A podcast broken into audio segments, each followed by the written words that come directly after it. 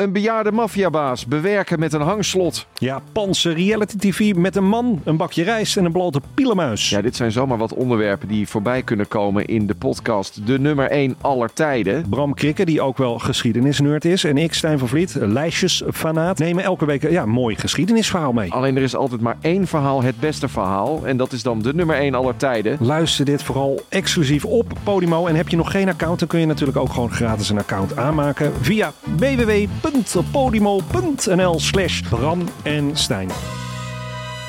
Chefs de Mission wordt mede mogelijk gemaakt door Odido, partner van Team NL. Onze eerste Olympiër, Willem. Ja, en wat voor een. 2 meter 9 schoon aan de haak. Dat is ongeveer eh, net geen twee keer Simone Baals. Ja, met recht een lange man. Oh, wat heb ik hier zin in. Volleyballer, Bas van der Goor. Het is toch Pieter van de Hogeman. Hij wint. Hij wint. Goud voor Ellen van Lange. Dubbel salto, de Flying Dutchman. En hij staat. Zie van Assen, los. Volledig aan. Volledig aan. Daar is de tweede gouden medaille voor Nederland. Dit is gigantisch. Het is nog 275 dagen tot Parijs en we zijn ons goed aan het voorbereiden op de Olympische Spelen. Met deep dives in het roeien, het turnen, vorige keer met basketbal met het Amerikaanse Dream Team. En Nienke, we vertelden het verhaal van de lange mannen. Een van de mooiste sportsprookjes uit de Nederlandse Olympische geschiedenis. Zeker, de Nederlandse volleybalmannen die in Atlanta 96 goud wonnen. En ik vertelde toen over het bankrasmodel en hoe dat uiteindelijke gouden team werd opgebouwd. En die bloedstollende finale. Ja, als je die nog niet geluisterd hebt, misschien wel goed voor je verder gaat met deze. Of je luistert hem lekker hierna. Want we zitten hier niet alleen deze week, Nienke. Nee, nee, nee. Wij hebben een bijzondere gast in onze show. Een Hall of Famer in het internationale volleybal. Geboren in 1971 in het wonderschone Os. Opgegroeid bij de legendarische club Piet Somers Dynamo uit Apeldoorn. Internationale faam vergaard als speler van het super succesvolle Modena. Of zeg je Modena? Modena is goed, ja. Modena, op zijn Ja. Italiaans. En eh, drievoudig kampioen van Nederland, drievoudig kampioen van Italië, drie keer winnaar van de Champions League en de MVP van het Nederlandse gouden team in Atlanta 96. Nou ja, en bovendien iemand die een TIA en lymfeklierkanker overwon en leerde leven met diabetes. Sterker nog, iemand die met zijn foundation al jarenlang zich inzet voor sporters met diabetes. Wij zijn super trots. Het is namelijk Bas van der Goor. Welkom Bas, Dankjewel. wat leuk dat je er bent. Zeker. Ja, hoe, eh, hoe, eh, hoe gaat het met je? Het gaat eh, goed.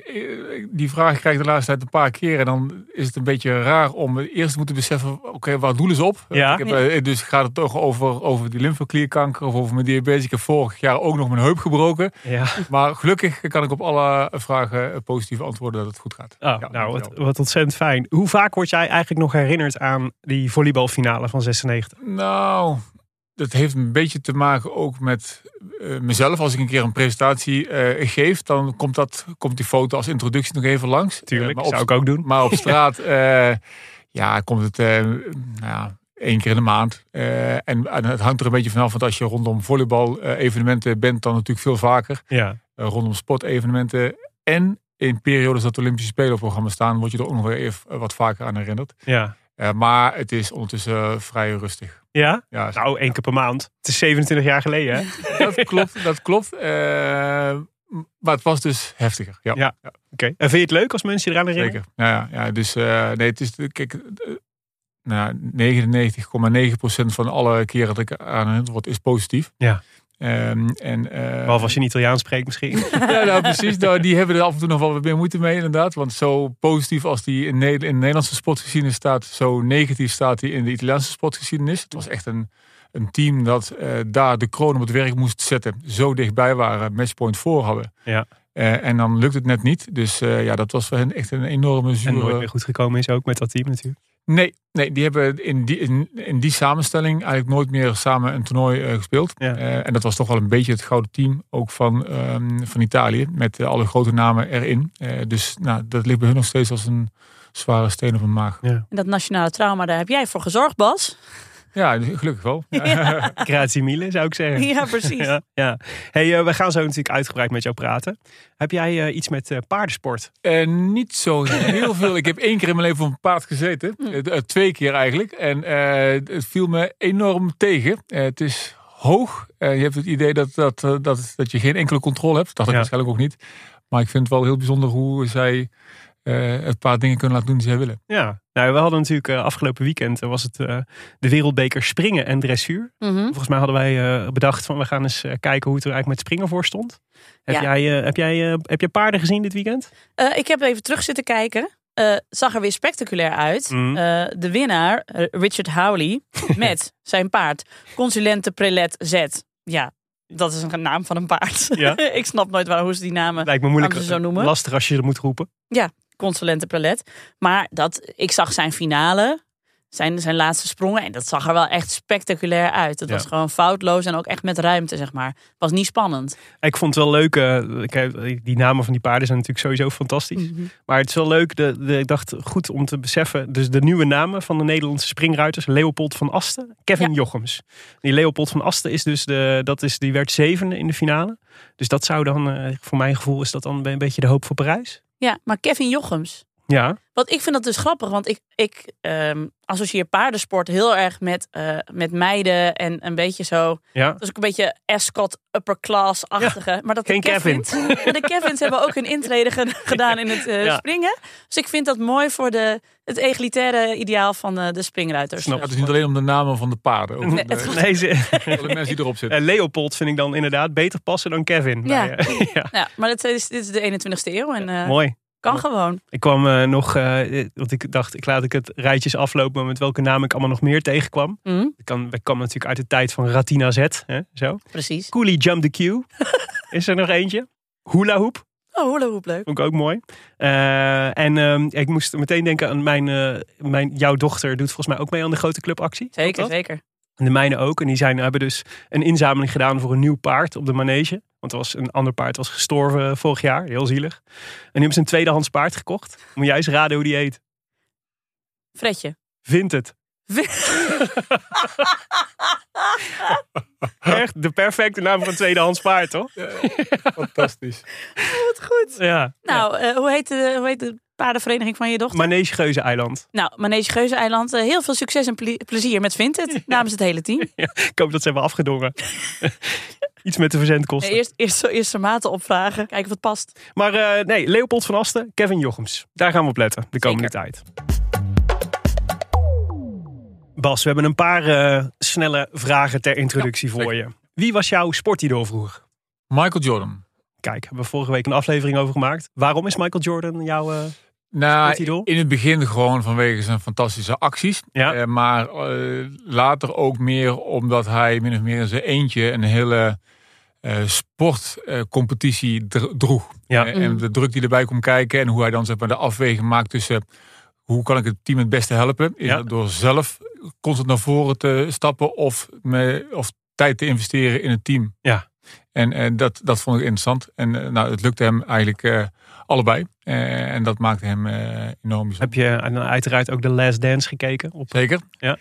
Dat deed niet meteen zeg maar mijn eh, waardering groeien. Ja. Eh, want dan zie je ook wel dat dat wel ten koste ging van een aantal andere zaken. ja. Mhm. Ehm, en, en je zou kunnen zeggen, sporters die het winnen op één zetten en dan de rest minder belangrijk vinden, Ja. nou, dan kan ik een heel eind in meekomen. Mhm.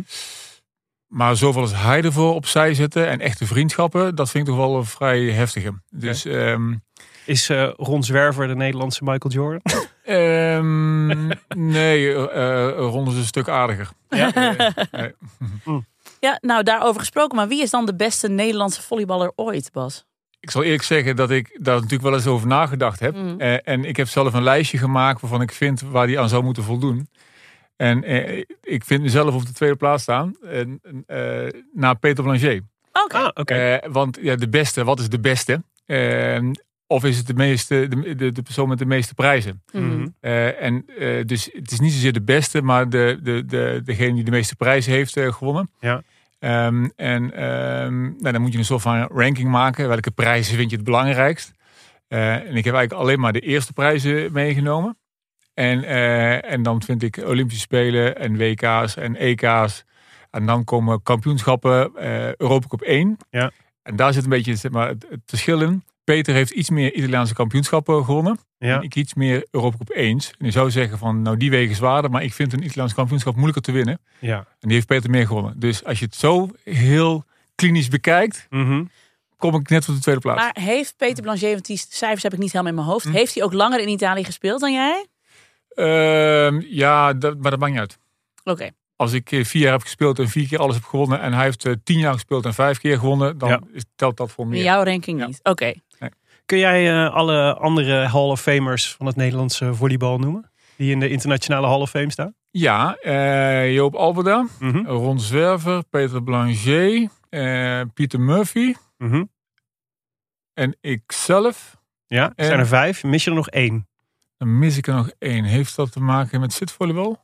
Ja, zeker. Dan ben ik even zijn naam. kwijt. Pieter Joon, Pieter Joon. Ja, Ja. Afgelopen jaar. de uitvinder van het zitvolleybal. Ja. Afgelopen jaar volgens mij. ja, of het jaar Of- daarvoor. Of het jaar daarvoor. Ja, Ja, ja, ja, ja, klopt, heel, ja. heel recente toevoeging. Ik vond de Ja. meest verrassende naam in het hele... Ook weer zo iemand eh, Ja, voor in ons Chef de Mission Museum. ja dat dacht ik ook. We maar eens een stukje over maken. Ja. Mooi hoor. Hey, en Bas, welke sport kijk je nu zelf het liefst? Is dat nog steeds volleybal of is het iets anders? Nou, ik heb een nieuwe collega. Of een nieuwe collega die al een paar jaar. Maar ik heb sinds kort eh, achterhaald dat hij enorme eh, NFL-liefhebber Mhm. is. eh, American football. Ja. En eigenlijk kom ik tot de conclusie dat ehm, American football heel veel weg heeft van volleybal. Oh, hoezo? Nou, er zit natuurlijk, bij volleybal zit er een netje tussen. Maar het is wel een soort van een offensive en een defensive eh, fase. Dus eh, je valt aan of je verdedigt. Ja. En je moet eigenlijk patronen proberen te doorzien en daarop inspelen. En daar speelt een aanval tegen een verdediging. Er is een spelverteller die bepaalt welke calls er gemaakt worden. Ehm, dus ik vond het wel heel erg leuk om met hem. Hij is echt een hele fanatieke. eh, dus ik ben het een beetje gaan volgen sinds een paar maanden. Dus ze zijn net eh voor mij twee maanden weer bezig in het Met nieuwe nieuw seizoen, ja. En eh, nou, dat, dat is even de laatste maanden een nieuwe sport die ik volg. Wat leuk. Heb je al een favoriet team? Dat was dus ook zijn. Hij speelt voetbal fantasy. Dat Ja. is, Oh, ja, ja, eh, dat is eh, dus hij, hij, hij kent bijna iedereen. Ja. Eh, ik vond dus ook dat ik een soort van favoriet team moest hebben, maar ik kwam er niet uit. Want ja, dus ik ben maar begonnen met de 49ers, omdat daar speelde de, de, de, de speler die ik als eerste kende, Joe Montana. Dat Ja. is een quarterback. En eh, dat is de eerste NFL-speler die ik kende en die speelde toen bij de 49ers. Dat is San Francisco, toch? Ja, San Francisco 49ers. Ja. Dus eh, ik heb ehm, eh, dat team maar gekozen en tot nu toe doen ze het erg goed. Dus ik heb geluk gehad. Nou, lekker. Ja. Gelukkig gehad. Wat een, eh, wat een wonderlijke keuze vind ik. American voetbal had ik nou nooit achterin gezocht. Nee, Dat leuk. nee, nee, nee. Maar het is wel leuk om, eh, om, om te kijken wat daar gebeurt en hoe. ehm, eh, hoe nou ja, je weet natuurlijk niet precies op wat voor basis. Maar ik heb ook quarterback gekeken op Netflix. En Ja. dan zie je gewoon wat daar nou precies gebeurt. Ja. Eh, eventjes in de, in de slow-mo, om het zo maar te zeggen. Ja. Maar ook wat voor een enorme fysieke sport dat is. En dat een quarterback eigenlijk eh, zeg maar van, van maandag tot en donderdag probeert weer een beetje op eh, beide benen te gaan staan. Ja. Zodat hij zondag weer helemaal eh, de beuk erin kan gooien. Mm. Of in elkaar gebeukt kan worden. Dat, Ja. is, en dat vind ik wel eh, interessant. Hij kan niet, was nu natuurlijk ook dat WK rugby wat gaande was. Ja. Ah, dat is prachtig. Ja. Ja, Mhm. maar daar werd dus ook, was, werd dus ook iemand geïnterviewd die ze ook vertelde over wat het dan betekent om rugbyer te zijn. En zei ja, het is- voelt een beetje alsof je twintig keer in een uur wordt overreden door een vrachtwagen. Ja, en dan rest van de week moet je daarvan bijkomen. Ja, zeg maar. ja, Dat- ja, het- dan kun je ook een beetje voorstellen wat voor eh, eh, slijtageslag dat voor je lijf is op de lange termijn. Voor, Je, je, be- je begint al zeg maar, met het volkslied, met al die bloemkooloren die je ziet. ja, Mhm. Ja, dan, Ja. dan is het eh, ja, één keer in de week. Het is een week duurt zeven weken. ja. Eh, dus dat is alleen maar om de mensen de tijd te geven om een beetje te herstellen. Ja, Ja. Dus Ja. dat door. Ik dacht trouwens ook, wij moeten snel een rugby-aflevering maken. Want dit hele WK leeft echt volgens mij ontzettend in Nederland. Dus ja. Het is echt tijd dat we daar eh, dieper in eh, gaan duiken. Het lijkt me hartstikke leuk. Hey eh, Bas, eh, jij bent natuurlijk hartstikke lang. En dan is volleybal natuurlijk een hele logische, logische stap. Ja. Ehm, maar kom jij uit een volleybalnest eigenlijk? Eh, nee. Eh, mijn ouders tennisten op heel Mhm. laag niveau, gewoon gezelligheidsniveau. En mijn vader die heeft wel één keer in de week, ging hij met een groep vrienden, ging hij volleyballen, huurde ze een zaaltje, ging ze een potje volleyballen. Ja. Maar ehm, ik, was de enige, ik was de eerste die lid was van een vereniging. Ja. Ik heb dat gedaan, ik heb gejudo'd, ik heb getennist, ik heb getafeltennist. Ja. Zwemdiploma's gehaald, gevoetbald. En uiteindelijk ben ik een beetje blijven hangen in tennis en volleybal. Ja. En toen bleef ik doorgroeien en toen werd het uiteindelijk volleybal. En wanneer kwam je erachter dat je echt heel erg goed bent in volleybal? Ehm, ja, wat is heel erg goed. Ik denk dat ik pas toen ik in de Eredivisie ging spelen, dus zeg maar op mijn 17e, 18e, dacht van nou, dus voor mij kan ik dit wel aardig. En toen zat je al bij Dynamo in Apeldoorn? Of, Dus eh? dat, toen, toen ging ik naar Dynamo in Mhm. Apeldoorn. Dus ik, heb, ik, heb, ik kom uit Os. Ik heb Ja. tot mijn eh, zestiende zeg maar, bij ehm eh, Ovoco, Mhm. Osse volleybalcombinatie gespeeld. Mhm. Mooi. Toen nog, een, eh, nog iets meer dan een half jaar in Vught bij, bij VWC. En toen ben ik eh, vanaf het nieuwste seizoen in 89 ben ik naar Apeldoorn. Maar dat is wel een beetje, dus even een voetbalmetafoor, is het toch wel een beetje alsof je naar Ajax gaat, toch? Mhm. Nee, dat was alsof ik naar... eh, want eh, dat team was gepromoveerd uit de eerste divisie. Ja. Dus Dynamo... Ze waren helemaal nog niet zo goed toen. Nee, Mhm. nee, nee, nee. En toen ehm, kwam daar een trainer, Paul van Sudrecht. En die heeft ehm, eigenlijk, een, want die was ook trainer van Jong Oranje. Mhm. Een paar talenten naar, naar Apeldoorn gehaald. Ja. En dat bleef bij elkaar. En dat was een hele goede groep. En die is uiteindelijk kampioen geworden. Ah, ja. En, da- en daar is het eigenlijk een beetje begonnen. Met, En dus daar viel ook jouw talent op. Dus bij Jong Oranje, kan Ja, ik me voorstellen. Ja. ja, ja, ja, want ik, ik in, laten we zeggen, je hebt altijd een soort van eh, onder 16 en onder 18 ongeveer. En dat groeit natuurlijk een beetje door. En ik was op een gegeven moment onder, bij onder 16 speelde ik niet of heel soms. En toen werd ik toch een keer gevraagd om mee te mogen doen bij onder 18. Mhm. Ik ben twee jaar ouder. En daar ging het eigenlijk best wel snel dat ik ook speelde. Dus ik van zeg maar, de bank van onder 16 ging ik naar spelen bij onder 18. Ja. En nou, dat was wel een soort van moment van, ah, oké. En toen kwam het contact met, eh, met Apeldoorn. En toen had ik wel het idee van, nou, volgens mij, als dit één keer lukt, zo'n wedstrijd spelen, als je een keer goed gespeeld, dan lukt het ook wel vaker misschien. Ja. Hey, en wanneer kwam het, eh, kwam het Nederlands team in jouw eh, leven? Eh, nou, in, ehm, in die periode dat ik bij eh, richting Apeldoorn ging, Ja. Want we hebben het dan over ja, jaar? acht- eh, 89 Ja. ongeveer. Mhm. Er was ook nog het, eh, het Dynamo-toernooi. Dat was een volleybaltoernooi tussen kerst en oud en nieuw. En daar, eh, dat was een van de weinige toernooien. Dat, dat is vlak nadat ik daarbij kwam ook afgeschaft. Dat landenteams ook nog tegen clubteams mochten spelen in hetzelfde toernooi. Dan kon het dus zijn dat je speelde Zweden tegen Panini Modena. Mhm. En eh, dat was best wel een, een groot eh, toernooi. En toen mocht het Nederlands team daar spelen. Mhm. En eh, toen gingen een aantal spelers uit het Nederlands team, uit het bankrasmodel, die stopten daarmee en die gingen naar Italië. Ja. Peter Blancier, Jan Postuma, Ronald Sootsma, Rob Grabert. Dus toen kwamen er gaten en toen mochten er twee spelers van Dynamo Oh. als gastspeler meedoen met het Nederlands team oh, wauw. in Apeldoorn. Dus dat gaf in één keer ruimte. Want wij hebben het natuurlijk in de vorige aflevering toen gehad over eh, dat er in één keer spelers vertrokken uit Ja. het bankrasmodel om naar Italië te gaan. Maar Ja. het schapte dus eigenlijk ruimte voor jou. Ja. Ja, en, en wij mochten dus als gastspeler meedoen. Ja. Eh, en dat, dat, dat waren mijn eerste interlands. Ja. Vier interlands. Toen was je nog super jong dan. Toch? Ja, nou 18 denk ik. Ja, 18. Mm. Dat was denk ik in het eerste of Ja. misschien in het tweede jaar, zoiets. Ja. Ja. Ja. Dus dat, waren mijn, dat was in 1990. eh eerste Interland. En daarna ben ik weer gewoon twee jaar, toen waren er weer nieuwe jongens eh aange... eh, ik was toen nog niet goed genoeg voor het Nederlands team, maar ik mocht als gast als de, van de thuisspelende Ja. stad zeg maar, meedoen. Eh, toen ben ik er weer uitgegaan en na anderhalf jaar, dus na de Olympische Spelen van Barcelona, ben ik er definitief bijgekomen. Nou, die eerste interland van jou is wel de Volleybal Hall of Fame ingegaan. Maar wel vanwege iets anders, toch? Ehm, Vanwege Brecht Rodenburg? Ja, dat, dat was dus het- hetzelfde toernooi, maar twee jaar later. Oh, Dus, oké. Ja, nee, die, dat was in 92. Dat Oh, klopt. ja. Dat klopt. Toen was het, toen was zeg maar, dat was ehm, de eerste interlandreeks van het nieuwe team. Mhm. Ja. Eh, en daar eh, sprong Brecht op mijn eh, enkel. Ja. Ja. Ja, ja. Die foto heb ik vanochtend nog even bekeken. Heb jij die ook bekeken? Nee, ik kan daar niet tegen. Nee. want ik weet dat dus nog heel goed. Ja. Dat, ik heb ja, ook in mijn, ehm, in mijn hoofd heb ik dat ook live zien gebeuren, Mhm. zeg maar. Ik weet niet of dat, dat daadwerkelijk zo is, want die beelden werden natuurlijk ook echt eh, uit en tot Ja. in een treur herhaald. Mhm. Maar het was echt heel naar gezicht. Echt heel. Ik, Ja. Dus volgens mij ook als je nadenkt, als ik nu nog nadenk, dus als, wat is het, eh, bijna 29 jaar geleden over eh, een ernstige sportblessure, Mhm. dan moet ik aan dat moment denken. Ja. Ja. Dus ik echt eh, zo'n bungelend beentje was ja, het. het is net. ehm, het is, we zullen dan de foto maar niet in de show notes zetten of in de, op onze Insta-pagina, want anders gaat Willem over zijn nek. Maar het is een beetje alsof Brecht Rodenburg zo'n soort van touwtjespop is. Zo'n Ja. trekpop, zeg Ja. maar. En dat zijn Ja. ene been zo de hele andere kant op getrokken is. Zo Ja. ziet het eruit. Ja. Het is wel goed gekomen met hem, gelukkig. Ja, gelukkig wel. Ja. Hey, ehm, hoe is het dan als je zeg maar in 92 dan weer bij dat, bij dat team komt? Er zijn dus ook heel veel mannen uit. Ze hebben, ze hebben, maar ze hebben zilver gewonnen op de Olympische Spelen. Ja. Hoe was het toen voor jou om in dat team te stappen? ja, waren mijn grote helden. Die wonnen, die hadden een zilveren medaille op mijn nek hangen. Mhm. Eh, en ja, ik was, dat, ik was, ik had een paar wedstrijden, een paar jaar in een eredivisie gespeeld. En eh, ik mocht dan met die gasten eh, in één keer eh, samen trainen. Dus dat was, eh, ja, ik vond het wel mooi. En hoe was die hiërarchie dan in dat team? Onderaan instappen, hè. Mhm. Dus ehm, nou, je, had, je had natuurlijk te maken met een groep. ehm, dat hebben we waarschijnlijk de vorige keer ook wel besproken. eh, dus die, die vier jongens die vlak voor de Olympische Spelen, anderhalf jaar van tevoren, uit het bankrasmodel Ja. stapten. Ja.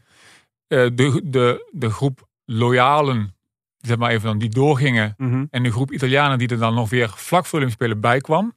Nou, dat waren al twee groepen. Mhm. En na de Olympische Spelen gingen die twee groepen min of meer door met nog een groep jonge jongens. Dus er waren eigenlijk drie groepen. Mhm. Ja. Ehm, die En wie waren die jonge jongens dan? Die? eh, nou, toen was dat eh, Jeroen Bel, eh, Sander Mulder, Richard Schuil kwam er toen bij, Michel Latouhien kwam er toen bij, Guido Geurtsen kwam er toen bij, Ja.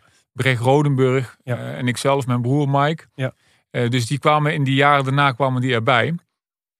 Ja, en dat zorgde ervoor dat, dat dat ja, eigenlijk drie groepen waren. En dat onze trainer Joop Albeda, die moest daar weer één machine van maken. Ja. Ja. Ook bizar eigenlijk dat je ook, nee, ook met, eh, als je de geschiedenis kijkt van Nederlandse volleybal en ook zeg maar wat er daarna kwam, dat zo'n zo'n gekke vloek in de, tijd, in de tijd lijkt het wel. Zodat er in één keer zo'n zo'n super talentvolle generatie was met zeg maar van veteranen, maar ook super talenten aan, de- aan, de, aan de onderkant. Ja. Best wel bijzonder dat Mhm. je in één keer zo'n gouden generatie krijgt. Ja, maar ik moet ook zeggen, die finale viel natuurlijk op twee punten. Mhm. Dus voor hetzelfde geld viel die terug en eh, was die de andere kant op gevallen. Ja, En dan was het verhaal heel anders geweest. Dus het ligt heel dicht tegen elkaar. Eh, en daarbij moet wel worden gezegd dat zeg maar, zo'n zo'n eh, groep talenten, hè, van twaalf talenten, maar ook op de bank. Ja. En, en ook eh, de bestuur, bondsbureau, iedereen zat op dezelfde lijn. Dat Ja. moet wel denk ik goed. En natuurlijk is er af en toe wat wrijving, maar je, wij voelden wel gewoon, dit is wel eh, ehm, een groep mensen die allemaal dezelfde kant op wil. Mhm. En hoe heeft Joop Albeda dat gedaan? Hoe heeft hij van die drie groepen dan eigenlijk één team weten te maken? Nou ja, kijk, wat, wat heel ehm, lastig is, is om zeg maar, mensen naar voren te duwen. Je moet ze eigenlijk vertellen waar ze, naartoe, waar ze zelf naartoe willen gaan. Dus Mm. Zeg maar, het verhaal bouwen over hoe jij, op welke manier jij richting het hoogste podium ehm, van de Olympus eh, zeg maar, wilt komen. Dat heeft Joop eh, gewoon heel goed gedaan. Ons Mhm. meegenomen. Ehm, in plaats van te vertellen wat we moesten doen. eh, van oké, hoe kunnen we nou al onze krachten samen bundelen. ja. eh, om, om, om samen deze laatste stap te maken. Ja. Want dat voelde wel echt zo, laatste stap. Ja. Ja. Ja, want het was dan eigenlijk. Eh, de voorbereiding was natuurlijk al in de loop van 92 gedaan door Arie Selinger, kan ik me voorstellen. Ja. Maar dat leek me een hele andere trainer dan Joop Albeda. Kijk, je- je- ja, ik denk dat je in, in zo'n weg naar de top. eh, en ik heb, ik heb niet zoveel. Ik heb eigenlijk niks meegemaakt van, die, van het hele bankrasmodel. Eh, ik, ik heb alleen de verhalen gehoord, maar dat geeft me iets te weinig basis om daar vanuit, om daar vanuit te, te praten. Maar het is natuurlijk wel zo dat als je van de 30ste plaats de wereldranglijst komt, hè, waar de mannen ongeveer stonden toen ze in 86 Mhm. begonnen aan deze reis, waren ze binnen vijf, binnen zes jaar, waren ze ongeveer, werden ze tweede. Ja. En in de world ranking misschien top 5, zoiets. Ja. Eh, en eh, ik kan me voorstellen dat zo'n traject overbruggen de andere manier van werken vraagt dan misschien het laatste stapje. Ja. Mm. Eh, en als, je, als, als Joop misschien eh, die enorme stap had moeten maken en Arie Selinger eh, het laatste stapje, weet ik niet of het hetzelfde resultaat had gehad. Omdat Mhm. Joop misschien beter was in deze fase begeleiden en Ja. Arie misschien beter om gewoon even te zeggen, jongens, en nu gaan we even eh, zoals we het hier deden, doen we even niet meer. Eh, ik, heb een, ik heb een soort van benchmark uit de wereld. En die gaan we hier toepassen. Je moet gewoon hard en veel trainen. Ja. Mhm. En niet drie avonden in de week, maar gewoon elke dag vier, vijf, zes uur. Ja. En nou, ik kan me nog herinneren, de eerste keer dat ik mee mocht trainen, dat was vier uur. Dat was voor mij ook, zeg maar, dat zo lang trainde. Ik was eh, Een training van vier uur. een training van vier uur. Ja. En, en, ehm, en ja, ik, ik ben, eh, mijn vader bracht me. En ik ben, ik denk, ik denk dat was in, eh, in de bankras dus. En ik moest weer terug naar Os. Nou, ik heb, ehm, ik heb denk ik eh, Breukelen net gehaald. En toen eh, ben ik in slaap gevallen. En helemaal, ik heb een week niet kunnen lopen. Ik ben helemaal, was ik klaar. Ja, maar ik heb ook gehoord dat Ronald Sootsma jou toen een, eh, een- Ja. wel in, in het ootje heeft genomen. Laat ik het zo Zeker, zeggen. zeker, zeker. Dus wij, die, die eerste... Echte Friese. ja, ja, zo zijn ze, die ratten. Ja, dus nee, het, was, het was zo, we hadden drie uur trainen en, en daarna nog een uur krachttraining. Dus we hadden daar in het kracht of in het, eh, in het materialenhok hadden we een soort van circuitje uitgezet. Ja. Dat moesten we doen. En, en eh, Arie zei, "Ro- Ronald neem jij Bas mee en laat jij zien wat het is. Dat is goed.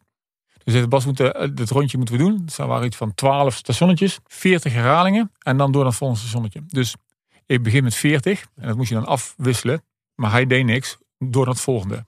Oké, ja, ik, ik stond onderaan hier. Ja. dus ik kon helemaal niks Jij bent. Ronald Sootsma. Ja, Ja. is zal het wel weten. Ja, die zal het wel weten.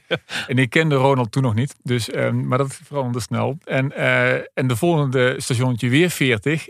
Ik en hij 0. En de derde stationnetje weer 40 en hij 0. En eh, op een gegeven moment komt Marco Brouwers naar me toe. Hij zegt... eh, Ronald, moet jij niet wat doen? Ik zeg, nee, nee, Bas doet alles voor mij. Dus eh, we hoeven eigenlijk maar 20 te doen. Maar hij doet, hij doet mijn 20 ook. Dus ik stond eh, zijn, zijn oefening ook allemaal te doen.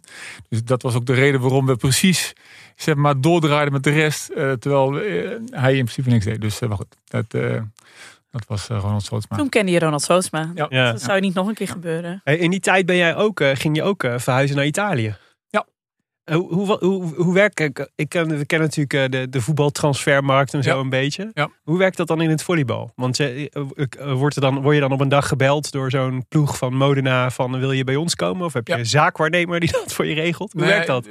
Mijn voordeel, ik, ik was een beetje zeg maar, de tweede lichting. Ehm, eh, volleyballers die naar Italië ging. Dus ik had eh Postma, Grabert. En een aantal van hen had een... Want Italië was echt het beloofde land zeg maar, voor Ja. volleybal, toch? Ja, je had, je had, je had, in die tijd had je Italië. ehm, ook nog een beetje Brazilië. Mhm. en Japan. Ja. Eh, en dan eh, Italië was het hoogste niveau. Ja. En in Japan kon je misschien het meeste verdienen. Ja. Maar goed, Dat is ook eh, wel weer ver weg. ook weer ver weg. En het niveau was echt eh, lager dan in Italië. Dus alle grote jongens speelden in Italië. Dus je wilde graag in Italië. Eh, en ik ben via eh, Rob Gravert eh, en ook Peter Blanchet, die zaten bij dezelfde zakenwaarnemer. Mhm. Eh, en Henk-Jan Held zat bij dezelfde zakenwaarnemer. Dus via hen ben ik bij deze man terechtgekomen. En, Ja. en hij, vanaf dat moment was hij mijn gesprekspartner op weg naar... Dus hij legde mij... Jouw zaakwaarnemer. Ja, dus mijn ook. zaakwaarnemer. Ja. Dus, dus hij legde mij een aantal mogelijkheden voor waar ik naartoe kon. Ehm, en uiteindelijk hebben we een keuze gemaakt. Ja. En, en even zeg maar voor het beeld, want dit, het is dus midden jaren 90. Ja. Daar werd ze ook goed betaald gewoon voor. Want dat was op een gegeven moment was het volgens mij een beetje De, de, definitie is natuurlijk, wel- de, de vraag is natuurlijk wat is de definitie van goed betaald? Ja, nee, maar Eh, oh, de- ja. volgens mij was bij het bankgrasmodel was dan Ja. een van de die jongens die Ja. kreeg gewoon een soort van minimumloon Ja. van de van Ja, de volleybalbond. Ja, je moest weer eh, thuis gaan wonen, anders kwam die rond. Ja, zoiets, sowieso- ja, ja. zeiden dat zit alweer zoveel trainen, want daardoor hebben we geen tijd om alles op te maken. Ja, precies. Was, eh, ja. Ja, ja, ja, maar, dus, en, maar dan Italië is dan, eh zei ja, ik kan gewoon een ton, twee ton per jaar verdienen. Dat was ongeveer de, zwervers en de blanchers, Ja, zeg maar, ja, van deze ja, wereld. ja, ja, ja. Ja. Ja, maar dat is inderdaad serieus. Dan ben je al gewoon serieus aan het sporten. Ja. Eh, ja. Eh, nou, en in, in mijn geval kwamen er eigenlijk eh, twee topclubs. Mhm. En nog een club die meer betaalde, maar in het zuiden eh, zat. Eh, en waar ik zeg maar, sportief gezien niet zoveel uitdaging zat. Ik vond het echt een enorme eer dat twee teams eh, zeg maar, interesse. Deze, Ja. Mm. Modena en Parma hadden interesse in, in mij. Maar meer als zevende man. Dus als eerste wissel. Een Ja. beetje een soort van universele speler die op elke positie zou kunnen invallen. Ja. En eh, nou, dat vond ik op zich, oeh, dat, dat weet ik niet of ik dat dan meteen zag zitten. Ehm, als het dan zou moeten gebeuren bij een van die twee teams zou heel mooi zijn. Maar toen ging op het laatste moment bij een van die twee teams een grote transfer niet door. Waardoor ze mij op die plek weer neer wilden zetten. Oh ja. Andrea Gianni, dat was de man die zeg maar, in de finale Ja, tegen ja. de antenne aansloeg. Mhm. ja. Dat was de grote man die Modena wilde halen. En, en die zij bleef op het laatste moment bij Parma. Oh ja. Ah. Waardoor, ja, er moest een middenpositie gevuld worden. En nou, toen werd ik doorgeschoven. Dus zo ben ik eigenlijk bij Modena terechtgekomen. Ja. Eh, en ben ik eh, daar vanaf het begin eh, zeg maar, basisspeler geweest. Ja. En weet je nog de, de eerste keer dat je in Modena de, de trainingshal binnenliep? Kun je dat nog voor de geest halen? ja, we hadden net de WK-finale eh, verloren met de laatste set 15-1. Eh, door Niet heel, niet heel close. niet heel close door een ace van Cantagalli op mij. Hmm. En die zat dus in die kamer eh, toen we daar binnenkwamen. En eh, de, de, de, de stemming was natuurlijk heel goed.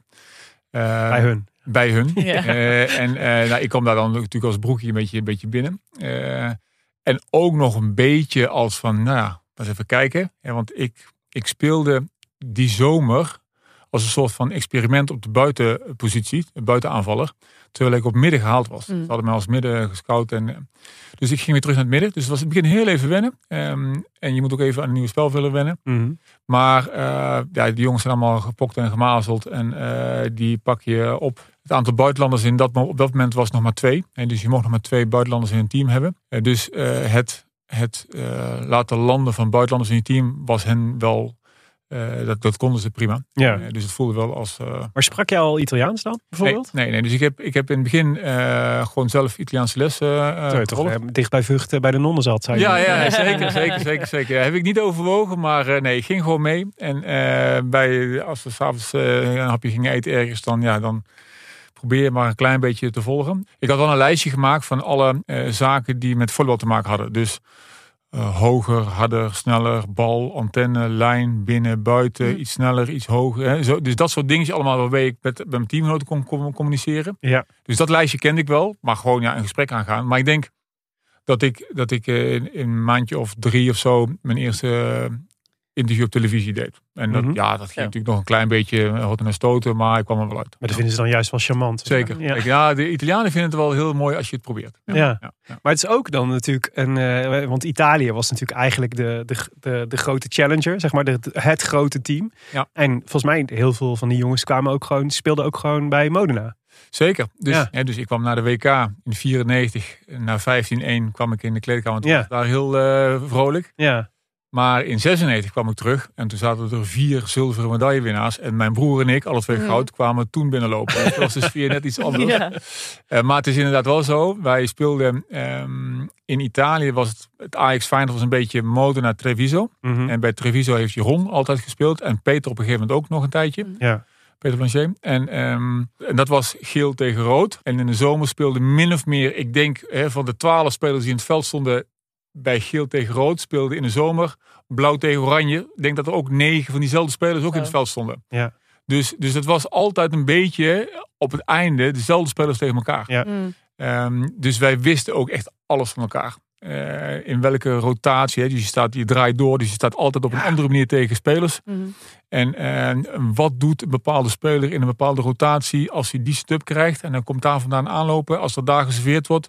Dus die, die data die wordt allemaal verzameld. En ja, daar moet je proberen een beetje een soort van ja. strategie op te bedenken. Maar dit is zo gewoon, want we komen straks natuurlijk uitgebreid te spreken over Atlanta. Maar dit is echt zo een van de zo'n verborgen lijn die ik helemaal nog nooit had gezien. Hè, dit is dat Nederland-Italië. Dat gewoon dat jullie elkaar allemaal door en door kenden, Mhm. gewoon van die Ja. clubteams al. ja. Dus dat daar gewoon ook ploeggenoten tegenover elkaar in de Olympische finale stonden. Mhm. En, en elkaar natuurlijk inderdaad van haven tot gort kenden. Ja, In Italië wordt dan een beetje een soort van, eh, trouwens in Nederland ook hoor, maar in, in Italië is dat nog net iets verder en iets meer data gedreven. Kijk, het, spelletje op zich is best wel overzichtelijk. Het is Mhm. altijd drie contacten Ja. en dan moet er iets gebeuren. Ja. En, en dat kun je, wat bij, kijk, bij voetbal is het lastig, want je kunt tien keer achter elkaar tikken. Maar bij volleybal is dat, dus daar kun je echt wel een strategie op maken. En Mhm. je kunt een team ontleden. Wat als dit gebeurt, dan gebeurt dat. Wat als dit, dan dat. Wat als Ja. dit, dan dat. En nou, dat probeer je eh, helemaal door te trekken. Ja. Ja, maar jij doet dat, jullie doen dat als Nederlanders voor het Italiaanse team. Het Italiaanse team doet dat natuurlijk ook bij jullie. ja. Dus dan staan er eigenlijk twee teams tegenover elkaar. Die, Die- bij alles weten, als dit dan dat. Dus dan moet je dus eigenlijk denken, ja maar, Maar wij denken nu dit. Zij, maar zij denken dat wij denken. dat zij denken. Eh, Dus hoe ver ga je dat doordoen? ja. Ja. En, en er is een moment in een wedstrijd waarop je dat laat vallen en teruggaat naar je favoriete bal. Mm. Ja. En, ehm, en, dat, ehm, en dat moment herkennen is, is prettig. Want in principe. Ja, en dat is dan Op- als je moe bent of onzeker of als, het- of als het misschien. spannend is, of Ja. je op zeker, nu moet ik mijn sterkste Ja. bal, want dit is mijn beste bal. Matchpoint. Ja. Matchpoint. Mhm. Ja. Ja. Ja, want ik heb wel een keer jou gehoord over Peter Blanchet. Dat als jullie in het nationale team met elkaar speelden, dat als Peter wist precies wat voor bal hij aan jou moest geven. Jullie, Nou ja, eh, dus zeg maar, de afspraken die ik had met de spelvuller in Italië en in Nederland, die waren een beetje anders. Eh, Peter liet me eigenlijk helemaal vrij. Dus Peter, die, eh, die, die gaf mij de bal die ik vroeg naar de paas. Dus de tegenpartij serveert, Mhm. wij pasen. Nou, op het moment dat de bal gepaast is, ik heb daarvoor al gezien ongeveer hoe de blokkering staat. En dat is niet dat één keer een held, de andere winnen dan ook. En, die, en op het moment dat de bal naar de spelvuller gaat, roepen wij de bal die we willen hebben. hm, Wa- Hoe, hoe doe je dat? Eh, nou, je hebt zeg maar, het, het veld is 9 meter breed. Ja. En die kunnen ze in negen vakjes opdelen. Ja. En, ehm, en het eerste cijfer wat je roept is de locatie in het net. En het tweede cijfer wat erachter zit, dat is zeg maar de hoogte. Dus je kunt een snelle bal, een iets minder snelle bal of een hoge bal. Dus je hebt bijvoorbeeld een 53 is een hoge bal helemaal op links.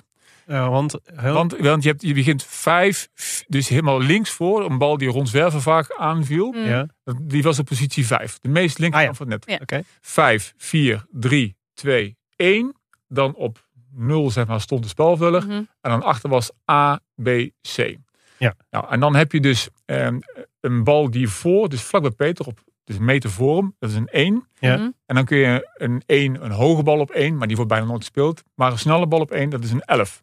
Oh ja. En een, een, een, een bal die eh, op positie 3, eerste tempo, is een 31. Een Mhm. steekje noemen ze die in het, in het volleybal. En een hele snelle bal op de buitenkant, een streep op de buitenkant, dat is een 51. Mhm. Ja. Een iets rustige bal is een 52 en een rallybal is een hoge bal 53. Ja.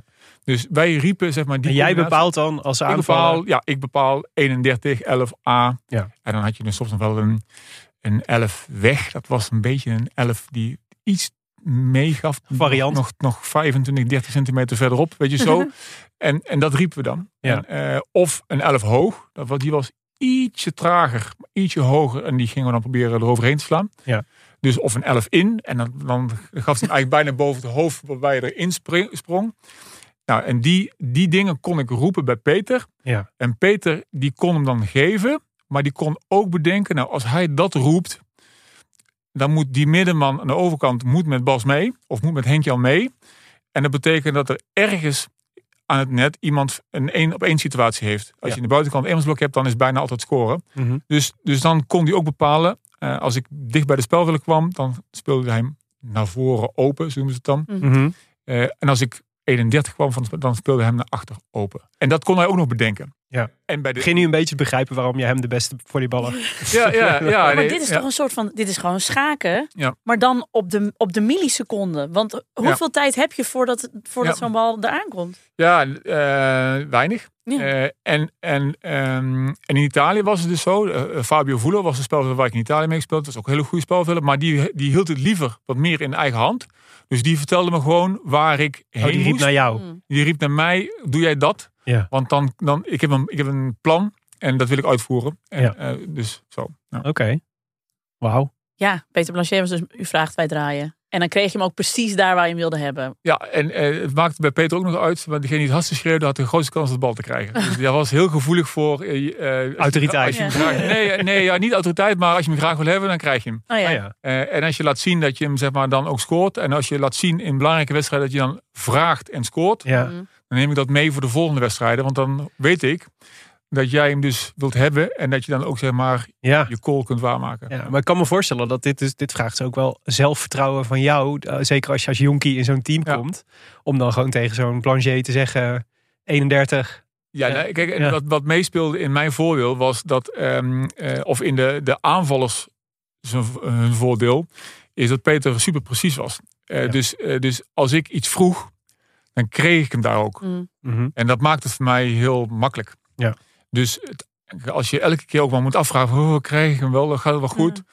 Dan, dan moet je eerst afwachten of de bal die je wil hebben, of die komt. In plaats van dat je min of meer met je ogen dicht die bal kunt lopen en Mm. zelfs kunt slaan. En dat hij dan toch nog een groot kans dat je erin zit. Mm. Ja. En nou, dat gevoel had ik enorm bij Peter. Ja. Die, za- die wist gewoon wat ik liep en wat... En dat ging automatisch. Ja. En, en was dit nou een deel van die eerste 90% die jullie eh, in die eerste, dat ze in die eerste jaren hebben eh, ja, vervolmaakt? Of was Hm. dit echt die laatste 10% van Joop Albeda? Nou, wat bijvoorbeeld, we hebben wel een paar ballen uitgevonden. Mm. Eh, dus met name hele snelle ballen achter de drie meterlijn. Of dus voor en achter. Die hebben we wel ook geoefend en, en gespeeld. En dat was ook wel... Soms had Joop een speelkwartiertje. Hè, dus normaal gesproken is het zo dat we... je traint zoals je... je speelt zoals je traint. Dus als je in de training veel fouten maakt, maak je net Mhm. ook veel fouten. Dus de bedoeling is, zo min mogelijk fouten. Als je in een situatie komt waar je niet zeker weet... dan moet je niet alles riskeren. Maar probeer hem dan zo met zo min mogelijk risico zo moeilijk mogelijk weg te geven. Eh, en soms liet hij dat gaan. Hij nu mag je gewoon even, mag je alle fouten maken, maar bedenk maar of er een nieuwe bal komt. Ja. Mm. En, en nou, in zo'n speelkwartiertje zijn een paar nieuwe ballen eh, ontstaan, die we ook wel toegepast hebben. Dus die afstemming en die dat ontwikkeling van het spelletje, dat, dat was bij Joop, hadden we af en toe wel wat tijd voor. Ja, een Ja. beetje meer variatie in ja, erin ja, brengen. ja, ja, ja, zeker. Ja. Hoe was dat in de aanloop naar Atlanta 96? Ik bedoel, ehm, ik kan me herinneren dat jullie eh, het jaar daarvoor eh, nog een belangrijke wedstrijd tegen de Italianen hebben gespeeld.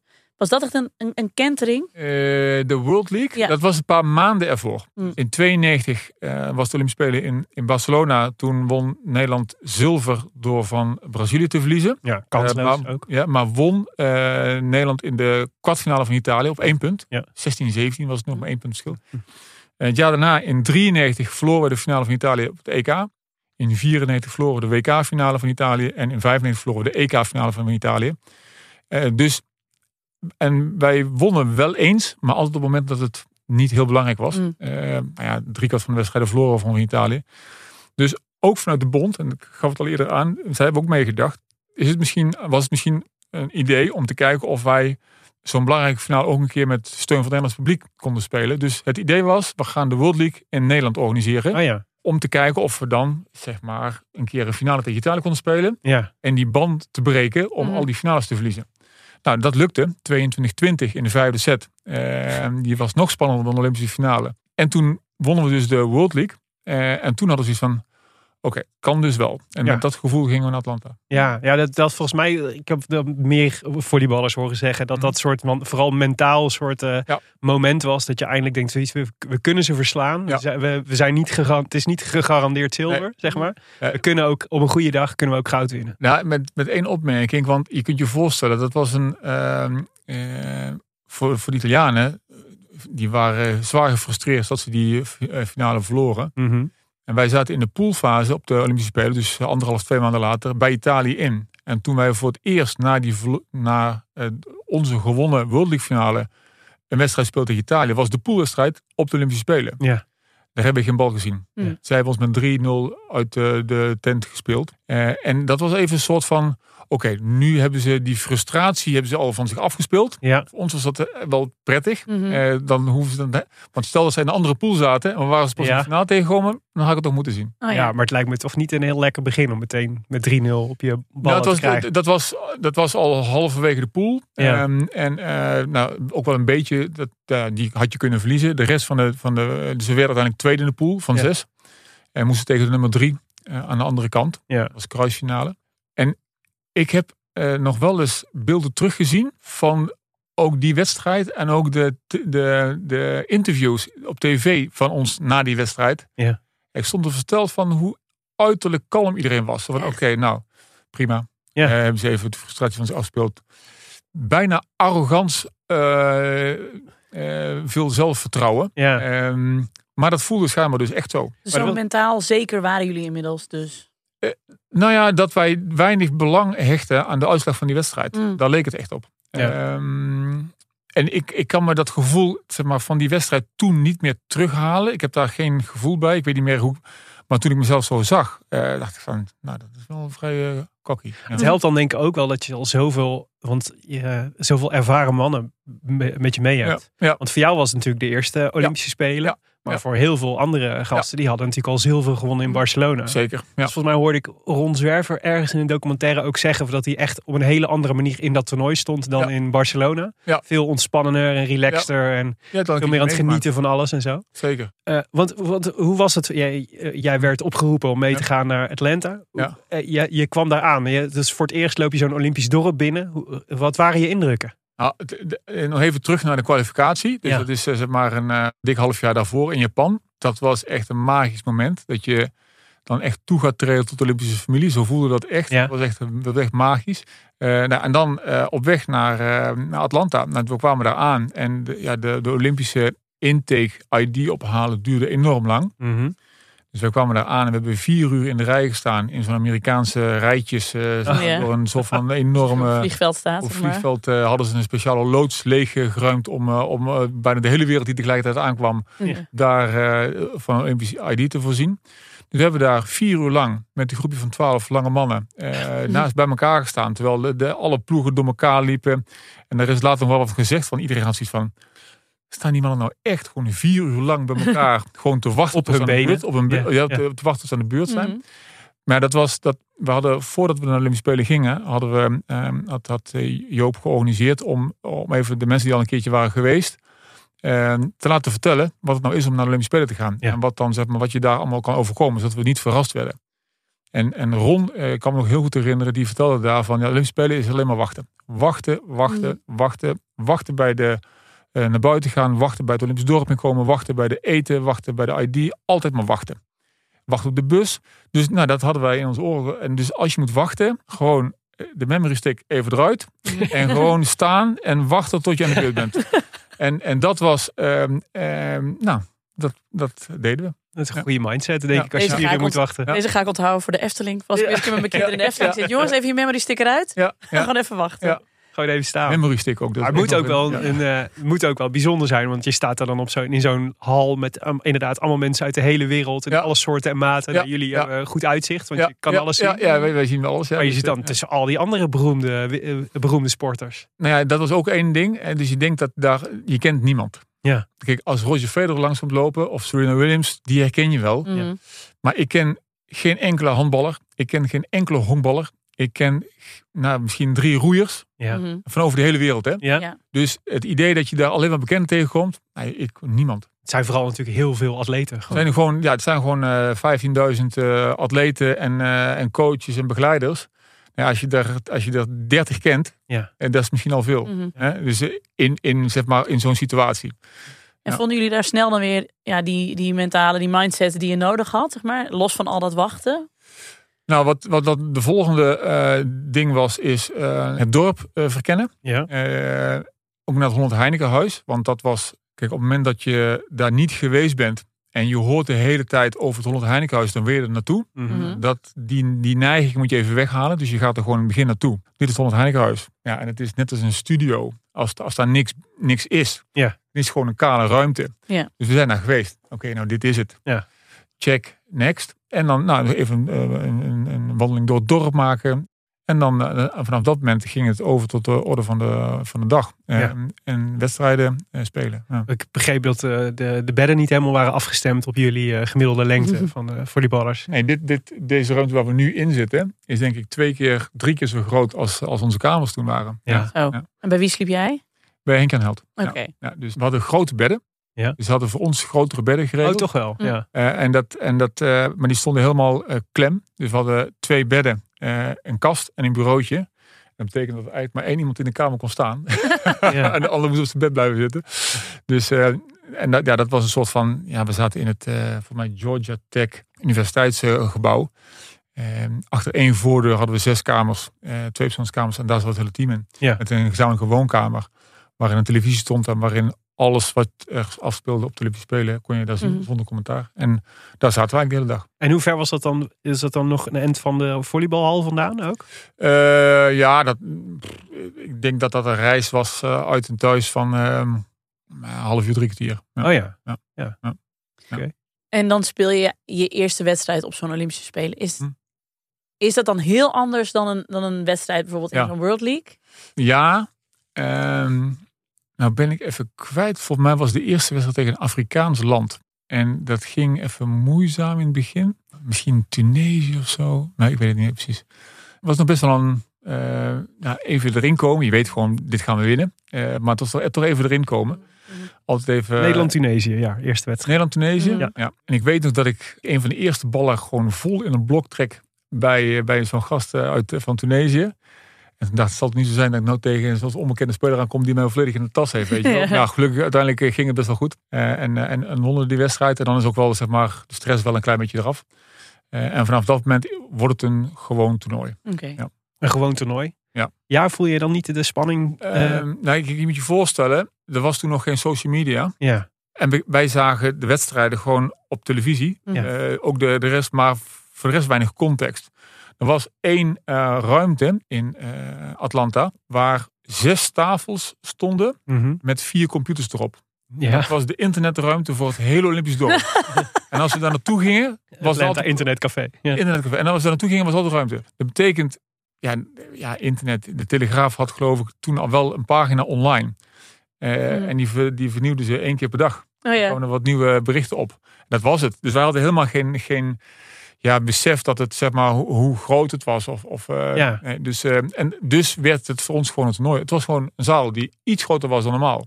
Ehm, en daar speelden we gewoon om de dag een wedstrijd. Ja. Dat is wel een zalige onwetendheid inderdaad. Dat je nu je, je kunt, je kon toen veel beter in je bubbel blijven dan, Zeker. dan je als, als dan sporter nu zou zijn. De sporters die straks Zeker. naar Parijs gaan, Ja, die hebben die hele social media erbij. Die hebben ook alle reacties die je, die je daarop krijgt. Dat natuurlijk. vind ik echt een niet te onderschatten extra factor die het wel echt tien keer moeilijker maakt volgens mij. Echt Ja. wel? Ja, met, kijk, met name eh, de mentale druk. Want je kunt zeggen, ja, dat kun je uitschakelen. Je kunt niet alles uitschakelen. Dus als er iets staat van iemand eh, die iets vindt over wat jij doet, Mhm. dat gaat in je systeem zitten. Mhm. Ja. Dat kun je nog, zeg maar, social media gebruiken. Ja, als ik, als ik zeg maar, nu naar Parijs zou gaan, dan zou ik, eh, zou ik echt eh, mijn telefoon, ik zou gewoon een oude Nokia meenemen om te kunnen bellen en sms'en en voor de rest niks. Ja.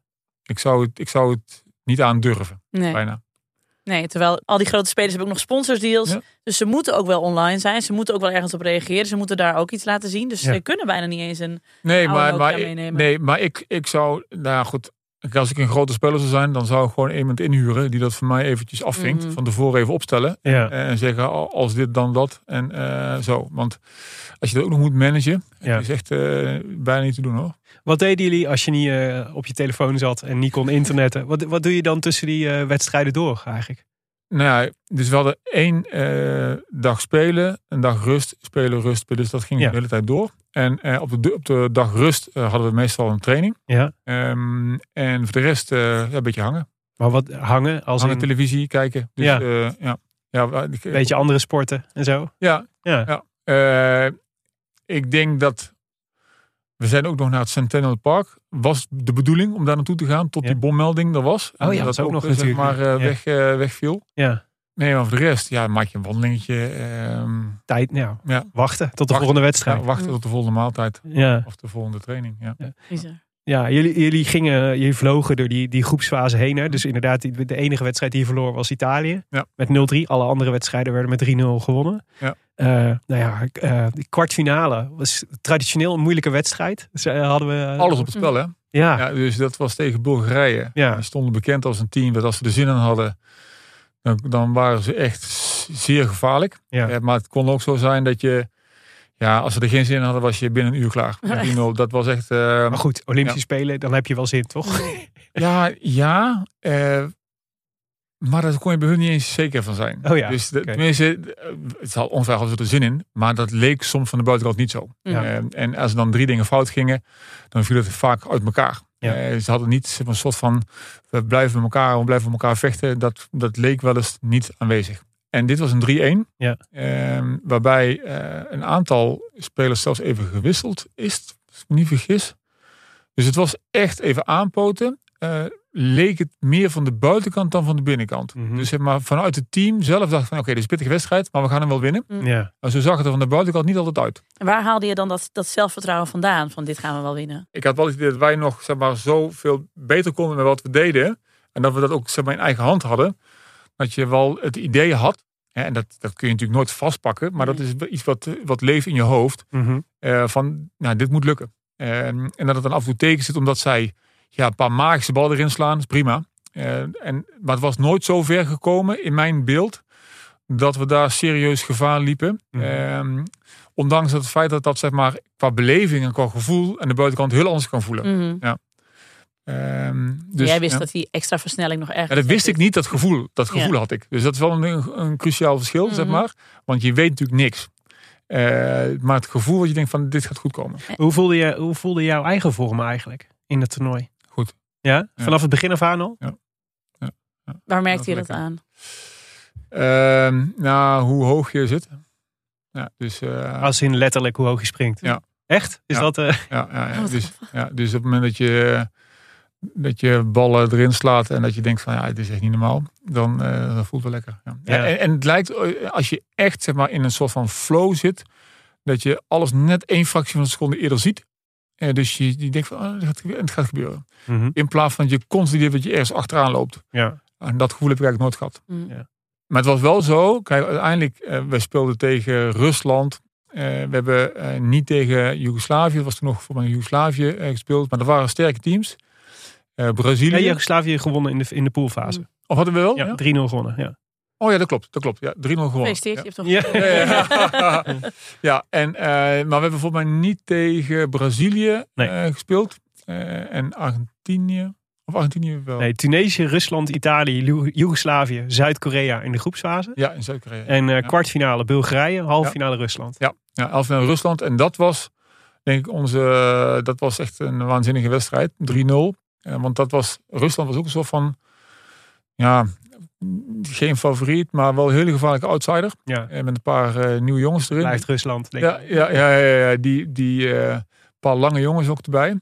Die Nijkin en ehm en Kazakov, 216, 217. Jeetje. Eh, en, eh, Keek een beetje op jou neer, zeg maar. ja, absoluut. Ja. absoluut.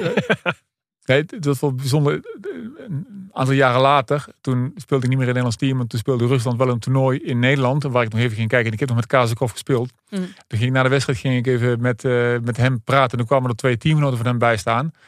Eh, toen stonden we met z'n vieren te praten. was ik de kleinste. Dus er was er eentje van 2012, eentje van 2016 en eentje van 2017. En ik ben maart 2010. Dus eh, ja. En hoe was toen de, de verhouding zeg maar, binnen, binnen jullie team? Want je had dus eh, die drie ploegen waar echt Ja. één team van gesmeed is. Dat, dat ging eigenlijk al... Na één jaar was het gewoon weer één team. Ja, en, Ja. en was het dan...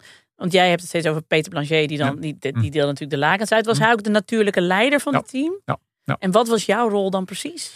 Ehm, ja, ik, ik, ik was natuurlijk in die vier jaar. Ik begon als broekie. Mhm. Eh, maar ehm, ja, ik kreeg denk ik wel steeds een belangrijkere rol. Ook omdat eh, volgens mij Peter en Ron ehm, ehm, die ruimte nou, gaven. Klinkt een beetje formeel. eh, maar ik denk dat Peter wel vertrouwen had in, in zeg maar, mijn Ja. eh, aanvallende kwaliteiten.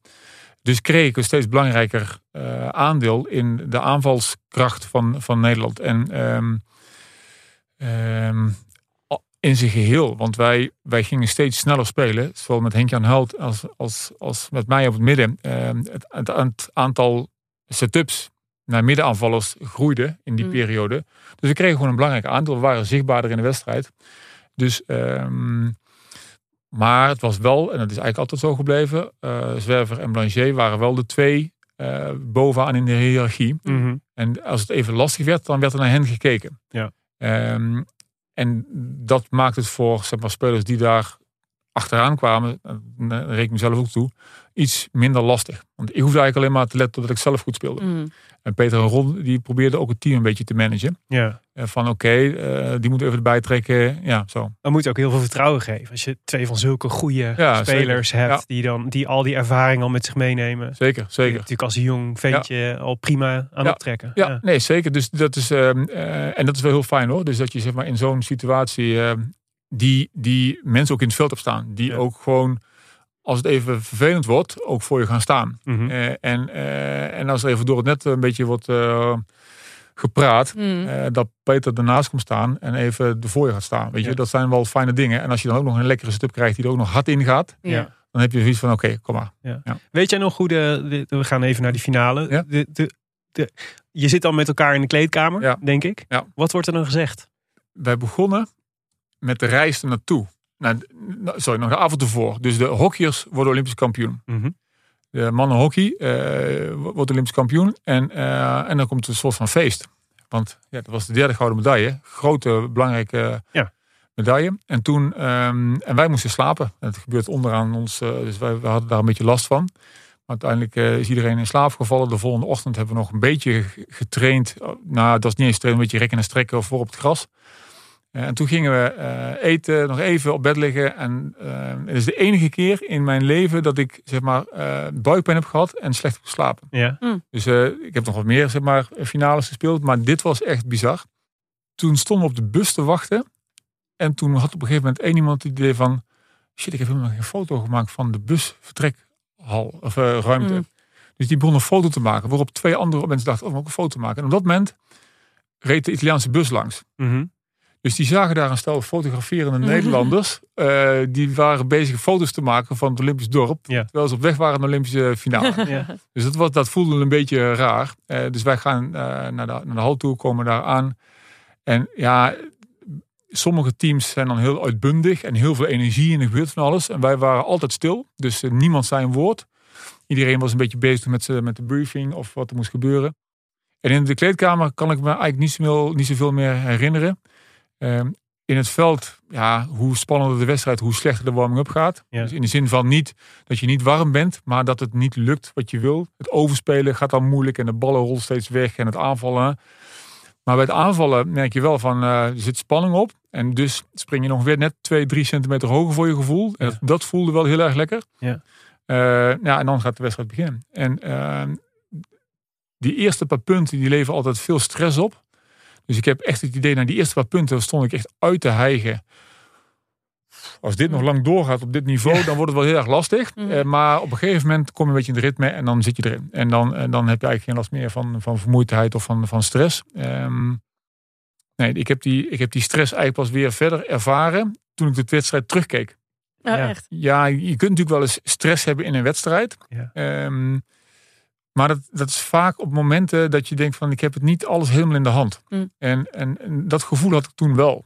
Dus ik had daar natuurlijk geen hartslag 50. Maar ik had wel zoiets van, nou, oké, als, we, als we gewoon allemaal ons ding doen, Ja. dan komen we echt een heel eind. Maar het was, het werd natuurlijk, het was natuurlijk 1-0, 1-1, 2-1, Ja. 2-2. Ja. Ja. Eh, en, dat, en zelfs die vijfde set gaat volledig gelijk op. Mm. Ja. Ja. Ja, dus het was ook, het bleef gewoon tot het laatste punt. Ja. Span Ja. In zo'n vijfde set voel je dan de spanning ook oplopen? ja, dat wel. Ja. Ehm, maar toch, als één team een paar punten achter elkaar maakt, dan Ja. zul je zien, dan komt er ook een soort van bij één team een beetje opluchting en bij de andere team een beetje van, oh, en wat nu? Ja. Mm. En, en dat kan dan ook nog weer een, een andere stemming in zo'n wedstrijd gooien. Mhm. Maar bij ons, wij zaten constant één punt. één punt, één punt, steeds omhoog. Ja. Dus iedereen was eigenlijk alleen maar bezig. Oké, we moeten nu even side-out maken. We moeten nu even de, de, de service terughalen. Ja. Ehm, zonder dat er te veel uitbundigheid was bij, bij, bij punten die werden binnengehaald. Ja. Als je namelijk een, als je namelijk een echt punt maakt hè, op je eigen service, dan is de vreugde vaak groter en krijg, begint er een klein golfje waar je op kunt gaan surfen. Mm. Ja. Maar die kwam eigenlijk maar niet. Iedereen was bezig, één set-out, één set-out, één set-out. En dat ging steeds door. Eh, tot wij, tot ik, de laatste set-out niet maakte. Ehm, dus we hadden, en wij stonden steeds één punt voor. En op het laatste, dus Ja. 14-13. eh, zij maken 14-14. eh Toffoli serveert. En ik maak de set-out niet. En zij maken de tegenaanval 15-14 achter. Ja.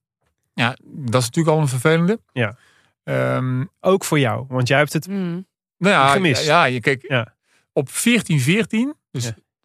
hadden we time-out. Ja. En toen, zij maakten het 14e punt door de bal via mijn handen uit te slaan op een afspraak waar ik me niet aan hield. Mhm. Oh. Hè, dus als die aanvaller paast en zo aanloopt en zo eh, die bal krijgt, dan slaat hij vaak zo. En ik dacht van oké, maar volgens mij doet hij net dit. Dus ik, ik, ik pakte mijn eigen plan. Mm. En dat was, als ik mijn plan had volgehouden, dan was het daar misschien al afgelopen geweest. Ja. Ik had hem een beetje rechtdoor moeten blokkeren en ik ging toch een beetje diagonaal, dus hij patte via mijn hand eruit. Mm. Bernardi. En het, het was, ik was op de buitenaanval, eh, eh, buitenblokkering terechtgekomen, omdat Jan Postma erin was. Dus het was een beetje een niet natuurlijke positie. Het was Ja. de eerste keer in die wedstrijd dat ik op die positie blokkeerde. Ja. Maar toch, time-out. Dus dan denk je van, potverdorie. Ja. Maar een auto had gehouden, dan was Ja. het misschien al klaar geweest. Maar dan moet je dat heel snel achter je laten. Dat moet je achter je laten. Mm. 14-14 weer het veld in. Side-out. Ik scoor niet. Zij maken het punt. Weer time-out. Dus een minuutje, een half uurtje later zit je weer op die bank. Potverdorie. Ja. Een minuut geleden stond een matchpoint voor en nu staat een matchpoint achter. ja. Geen ruimte meer voor fouten. Nee, geen ruimte meer fouten. En, eh, en, en voor mij is dan de opdracht vrij simpel. Namelijk, als ik een bal krijg, moet ik hem scoren. Mhm. Maar nogmaals, voor Peter, ja, die moet een keuze maken. Ja. Wat nu? Durft hij hem nog een keer aan jou te geven? Gaat hij hem nog een keer aan mij geven? En welke bal doe je? Want aan de andere kant staan Italianen die Bas Die van der allemaal kennen. Ja. Precies. Ja. En, en wat er. eh, en hij had volgens mij Ron Zwerver nog voor en Olaf van der Meulen achter. Dus ja, gewoon een luxe. Want Mm. alle drie Ja. kunnen gewoon de laatste bal erin En slaan. Bas van der Goor die net een fout heeft gemaakt. Ja. Mm. Ja. Ja, ja dus eh, toen de paas kwam, hij was, hij was goed. Dus op 14-14, die, die paas was niet goed. Ik kreeg hem toch en ik scoorde hem niet. Op 15-14 matchpoint achter was de paas goed. En ik, ik dacht wel dat ik hem zou krijgen. Mhm. Eh, dus, eh, en dat gebeurde ook. En die ging er wel in. 15-15. Welk nummer was deze Dat bal? was een 31, Ja. dus een steekje. En ehm, deze bal die sloeg ik op positie 1-2. Dus dat wil zeggen rechtdoor. Mhm. En eh, als je de wedstrijd terugkijkt, heb ik de hele wedstrijd vanuit deze positie de bal teruggeslagen Ja. naar 5-6. Dus je komt, ik kwam van rechts voor, loop ik eigenlijk schuin op het net aan en sla ik hem diagonaal terug. Mhm. omdat ik wist, dat zij wisten, dat mijn favoriete bal rechtdoor was. Ah ja. Dus ik denk, ik ga ze zo kloppen. En op de laatste bal, dus in, in de finale, krijg ik die bal weer. En zij hebben ondertussen geleerd dat ik alles daar sla. Ja. Dus zij gingen dat dichtzetten. En toen heb ik me rechtdoor geslagen. Oh ja. En, ehm, ehm, en als je de wedstrijd terugziet, dat moment, dan kom ik een soort van, kom ik neer en dan lijk ik vrij koud. En ik denk, maar god, wat is hier gebeurd man? Ja. Ga je nou even op matchpoint tegen beslissen dat je die bal toch laat gaan en even op het laatste moment toch rechtdoor gaat slaan? Want stel je voor dat ze hem hadden gehad, Ja. dan was dit eigenlijk, Dan was het Van de afgelopen met Ja. twee fouten van Bas van der Goor. ja, zo ja. Maar goed, ging gelukkig goed. Eh, nou ja, en toen maakten zij twee, eh, ja. Ja, maar dat was natuurlijk ook wat jij net al zei. Van dan, als het dan zo stressvol is, dan grijp je terug op wat je het allerliefste doet, toch? Dan, Precies. Ja. Ja. Ja, dus, eh, en de vraag is van ja, op welk moment. eh, ik heb tot het laatste moment volgehouden om zeg maar, mijn niet direct meest favoriete bal te slaan. Ja. En nog steeds terug, steeds terug. Ja. En zij zijn het laatste blijven blokkeren op die terugbal. Ja. Ik vond het zo fascinerend toen ik de volleybalfinale weer terug ging kijken. Want ik had zo in mijn hoofd, hè, de Blanchet en Zwerver. Ja. Dat zijn dan de, de grote, de Mhm. grote naam. Ja. Maar die laatste punten, die draaiden gewoon om jou. Ehm, Jij was gewoon de hoofdrolspeler in, dat, eh, in de... In Ja. de, in de, de, de ik kreeg de laatste twee ballen. Ik kreeg de laatste twee, of niet de laatste twee, maar die twee ballen dat ik aan het net stond. Want ik stond het- dus dan draai je naar achter. Ja, En ik serveerde ook twee keer. Ja, Dus, dus dan ben je wel vaak in beeld. Ja. Ja. Ik haalde nog een bal op die uit was. ja. Dus eh, er werd een bal geslagen door Olaf in het blok. En die, was, die ging heel hoog naar de achterkant van het veld. Ja, ik denk, laat ik hem gaan, laat ik hem niet gaan. Ik weet niet zeker. Ik haal hem maar voor de zekerheid. Ik Ja. pak hem toch maar. Want als ik hem laat vallen en hij valt in, Ja. dan moet je rennen voor je leven. Ehm, dus, eh, maar goed, uiteindelijk ehm, ja, heb, ik een, heb ik wel veel balcontact op het einde van de wedstrijd. Mhm. Ja. Waanzinnig, man. Ja, ja, Ja. ja. ja, dat is wel leuk. En dan win je. En is je leven dan veranderd? Nou ja, eh, dan is het nog gewoon een wedstrijd op een toernooi eh, die je dan wint. Waarbij binnen een half minuut eh, Willem-Alexander ook tussen de honderd Ja. Ja, die was er snel dat bij, was, ja. was in die tijd, ja. Dan Ja, dat voortdurend. Ja, Ja. ja. ja, dus, eh, dus dat was... Waarschijnlijk nog een kegel van die hockeyfeest. en, eh, en dus dat was, dat was eh, leuk en, en heel bijzonder. Eh, nou ja, en daarna, ja, dan eh, ik weet eigenlijk allemaal niet geloven. Dus alle clichés over sporters die je hoort, dat ze het nog niet kunnen geloven, dat is, ja, dat is, ik heb me ook zo gevoeld. Ja. En, en eh, heel bijzonder. Na de tijd hadden we de huldiging. En daarna moesten mijn broer en ik naar de dopingcontrole. oh ja, Dus ja, dan zit je met z'n tweeën daar. van de goortjes moeten we hebben. Die van de goortjes, ja. ja. En die, eh, dus dat is een ruimte, ook zo half zo groot als hier deze ruimte. En dan zit je twee bankjes tegen elkaar. Het is een soort van scheidsrechter omkleed, eh Mhm. om het zo maar te zeggen, ruimte. Twee bankjes tegen elkaar. Aan de ene kant mijn broer en ik. En aan de andere kant Bernardi en Gianni. De twee Oh, grootste Italiaanse volleybalsterren eh, Ja. van dat moment. En eh, ja, wij zitten daar maar proberen met alle respect niet al te blij te zijn. Ja, Mhm. En die twee die lopen te vloeken en te tieren en te schelden. En het is eh, dus, nou ja, op een En je verstaat alles, want ja, ja, ja, ja, ja, ja, ja, Ja. ja, ja. Dus, eh, maar die zitten helemaal in zak en as en eh, zijn, zijn kwaad en verdriet tegen alles tegelijkertijd. Dan, dan loop je de deur uit, eh, dan gaat de deur dicht en dan komt echt nog even een soort van vreugdedans eh, Mhm. uit beeld van die gasten natuurlijk. Want het is zijn toch eh, ja. In ieder geval één teamgenoot toen. Eh Dat, nou, Gianni was Gianni, ja. Ja. ja. Gianni was die, Bernardi is later nog teamgenoot voor mij eh, Ja. geworden. Ja. Maar eh, toen was het Gianni. En ehm, ja, eh, heel bijzonder. Heb je het nog wel eens met hem over gehad? Over die, eh, over die finale? Nee, want hij sloeg de bal tegen de antenne. Ja. Ik heb het nooit aangedurfd. ja. Hm. Om daarover te beginnen met hem. Ja, nee. Ja. En dat is, eh, nee. Denk je dat, hem, dat, het hem, dat hij er last van heeft gehad? Ja, zeker. Ja, Ja. Ja, heel veel. Ja. Ja. Wauw. Ja. Eh, hoe, hoe dichtbij het is er. Want jij beschrijft net de fouten die je zelf maakt Ja, in de, ja. in de, op het laatste moment. Ja. Ja, hij speelde natuurlijk ook een fantastisch toernooi. En, Het was, het en het was is ook echt- niet zo heel gek dat hij tegen de antenne sloeg, toch? Vanuit die positie. Nou ja, kijk, eh, je zou kunnen zeggen, eh, als je hem gewoon boven ons overheen speelt, is sowieso aan de wedstrijd, wat we maken hem gewoon af. Dus hij moet enige vorm van risico nemen. En Ja. dat doet hij. En ja, net, net verkeerd. Ja. Ja. Zo dichtbij kan het zijn. Ja. Ja. en dan kom je terug in Nederland en dan heb je dat goud heb je gewonnen. Ja. En dan komt er ook al snel weer een volgende Olympische Spelen Ja. in zicht. Wist jij ook meteen van, ik ga gewoon nog vier jaar door? Dit, eh, Ja, ik was toen 25. Dus dat was voor mij geen, eh, geen punt. Het was meer de, de, de, de kwestie van eh, welke van mijn teamgenoten gaan allemaal nog Ja. door. Eh, want ja, als je het een beetje bij elkaar kon houden, zou wel fijn zijn. Maar eh, voor mij was al best wel snel duidelijk dat Ron eh, Zwerver eh, zou gaan stoppen. En eh, Peter, eh, die, was, die, was, die had nog meteen ook kunnen aangeven, eh, ik stopte mee op het hoogtepunt. Maar ja, die, hij was volgens mij 28 of zo, 29 misschien. Ja. Dus ja, die kon in principe ook nog wel vier jaar mee. Eh, zeker ook als spelverder, die doorgaans ehm, iets minder leeftijdsgevoelig zijn dan de andere posities in het veld. Ehm, maar ja, dat was dus. ehm, eh, ja, op dat moment speelde dat eigenlijk helemaal niet. Iedereen was gewoon aan het feesten. Toen wij op Schiphol aankwamen, was Mhm. het eh gekhuis. Ja, Ja. leuk. ja, en voor jou begon toen eigenlijk, hè, want het- het Hm. doorgaan, maar de, de, Ja. de, de clubcarrière, successen toch? Ja. Al Ja. die Champions Leagues, dat zat allemaal daarna.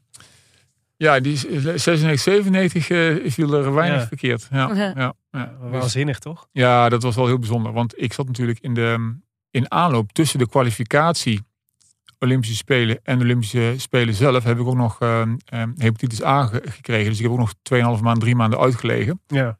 Ik begin wel af te vragen of er ziektes zijn die je niet hebt. Ja, ja, een hele bingo kaart. ja, ja, ja, ja, ja, Bas precies. heeft de bingo, ja. Nou, ik heb dat eens opgeteld bij elkaar. Bijvoorbeeld ben ik in totaal eh 2,5 jaar achter elkaar heb ik niet kunnen spelen vanwege blessures of Jeetje, ongemakken. Ja.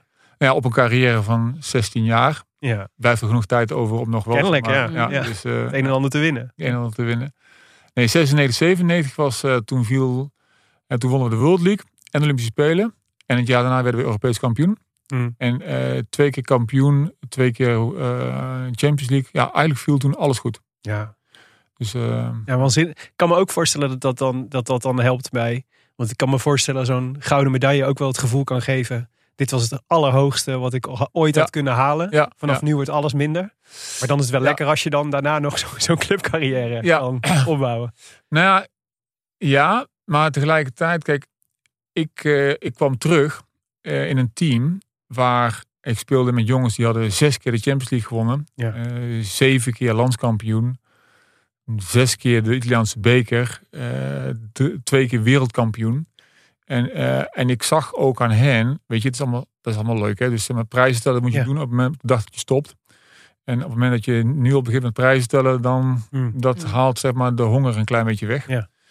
Maar dat was wel zeg maar op het moment waarop je begint van oké, hè, dus ik heb nu een palmares en nu gaan we, gaan we hem laten groeien. Ehm, dus dat was wel zeg maar elke keer weer op nul beginnen. Ja. Ehm, en, en, en niet je voor laten staan op de prijsklasse die je al hebt eh, bij elkaar gespeeld. Mooi hoor. Hey, hoe werkt Olympisch kampioen zijn door in jouw leven anno nu? Nou, ja, het, ik, ik, het voelt natuurlijk wel gewoon. ehm, ja, je hebt een bepaald, ik zeg het even, een beetje klinisch project, zeg maar, tot het allerhoogste niveau succesvol afgerond. Ja. Ehm, en daar kun je gewoon voor de rest van je leven trots op zijn. En zeker ehm, als het dan gaat om Olympische Spelen. En, en, en eh, bij elke Olympische Spelen komt op een of andere manier dit verhaal toch nog weer een keertje terug. Ja, je zit Zeker. hier nu ook weer. Ja, ik zit hier nu ook ja, ja. weer. Eh, dus, eh, en eh, nou, het feit dat dat ook nog zeg maar, eh, door het Nederlands publiek is gekozen tot sportmoment van de eeuw. Ja. Ook nog wel een, een eh, Dingetje. bijzondere. Mhm. Ja. Dus die mogen we in ieder geval nog eh, 77 jaar eh, zeg maar, eh, houden. Ja. Ehm, dus nou ja, dat is wel heel, eh, heel bijzonder. Ja. Ja. Maar en voor de rest, ja, kijk, ik heb natuurlijk nu eh, ben ik eh, actief met, met onze stichting. Ja. En, De Bas van der Roor Bas van de Foundation. Foundation. En eh nou, we werken met een man of 15. Eh, en, als we, en we hebben ondertussen ook wel een soort van ja, bekendheid. Mensen weten wat wij doen en Ja. waarderen wat wij doen. En dat heeft niet met alleen te maken met dat ik ooit een keer zeg maar, Olympisch kampioen ben geworden. Maar soms opent het nog steeds deuren. Eh, Mm. en, eh, Ja, maar dat is dan denk ik wel. Had die stichting bestaan als je, die, als je niet Olympisch kampioen was? dat weet ik niet. Dat weet ik niet. In ieder geval met minder. Dit is bedoel, het is, hij draagt jouw naam. Dat Ja. is onder andere omdat je de Olympisch kampioen bent. Ja, die, ja, zeker. Toch? Ja, ja. Ja. De, eh, ja dat, dat denk ik wel. Ja. Ja. Met dank aan Gianni zijn Athene. Ja. ja. Zo, Ja. laten we het er maar niet meer met hem over hebben. Ja. Dan. Nee, wij nodigen hem maar niet uit. Nee. nee.